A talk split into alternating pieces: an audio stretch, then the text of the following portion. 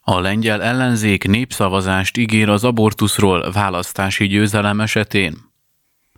A keresztények több mint fele néha kételkedik vallási meggyőződésében egy új felmérés szerint. Izrael további négy muszlim országgal normalizálhatja a kapcsolatait. A Hitrádió hitéleti híreivel Longauer Andrást hallják.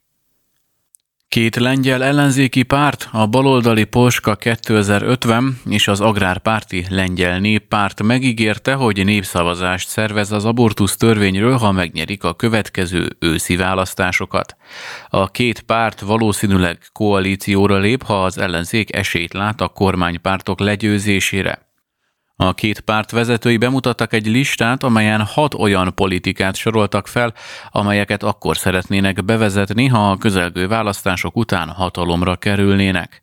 A választásokat követő száz napon belül népszavazást szeretnének tartani, amelyen a lengyel lakosság eldönthetné, hogy milyen abortusz törvényt szeretne. Botrányos döntésnek nevezte az egyik párt vezetője a jelenlegi abortusz törvényt, és hozzátette, hogy a lengyel népnek kellene döntenie a kérdésben, nem pedig a politikusoknak vagy a püspököknek. A politikus szerint a lengyel elnöknek, Andrzej Dudának, aki általában a konzervatív kormánypártot támogatja, nehezebb lenne megvétózni az új abortusz törvényt, ha a lengyel nép népszavazáson szólalna fel mellette. A Note from Poland rámutat, hogy több közvéleménykutatás is kimutatta, hogy a lengyel lakosság nagy többsége túl szigorúnak tartja a jelenlegi abortusz törvényt.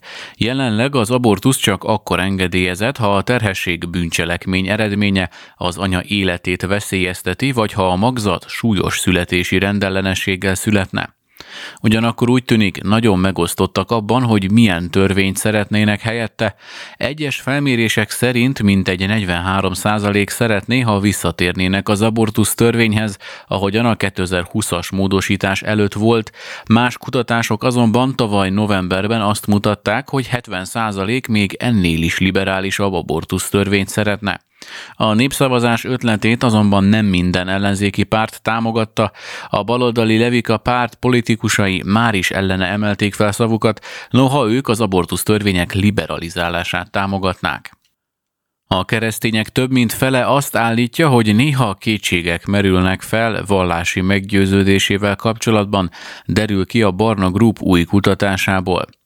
A kétség és hit a kereszténység megkérdőjelezésének legfőbb okai címmel a tanulmány egy 2022. december 13 és 22 között 2500 amerikai felnőtt és 13 és 17 év közötti tinédzserek körében végzett online felmérésen alapul, továbbá a tanulmány felhasználta az 511 amerikai protestáns vezető lelkész körében 2021. december 13 és 2023. január 3-a között végzett online felmérést is.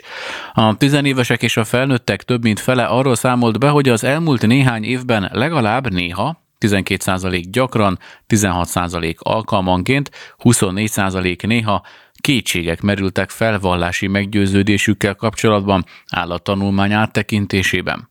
Hasonlóképpen a keresztény vallásúak vagy valamilyen keresztény háttérrel vagy tapasztalattal rendelkezők pontosan fele azt állította, hogy az életében egyszer már átesett egy hosszabb, kétségekkel teli időszakom, írták. A tanulmány szerint a megkérdezettek 27%-a mondta azt, hogy a kételje egy vallási intézménnyel kapcsolatos korábbi tapasztalatából ered. Ezzel szemben azok a válaszadók, akik nem voltak gyakorló keresztények, a vallásos emberek képmutatását nevezték meg a kétségek legfőbb mozgató rugójaként. A nem gyakorló keresztények nagyobb valószínűséggel kételkedtek hitükben, mint a gyakorló keresztények. A világ legnépesebb muszlim állama is csatlakozhat az Ábrahám egyezményhez. Izrael az Ábrahám megállapodások kiterjesztésén dolgozik négy másik nemzettel, tudta meg az Izrael Hayam. Eli Cohen külügyminiszter azon dolgozik, hogy normalizálja a kapcsolatokat Mauritániával, Szomáliával, Nigerrel és Indonéziával, mondták a lapnak a forrásai.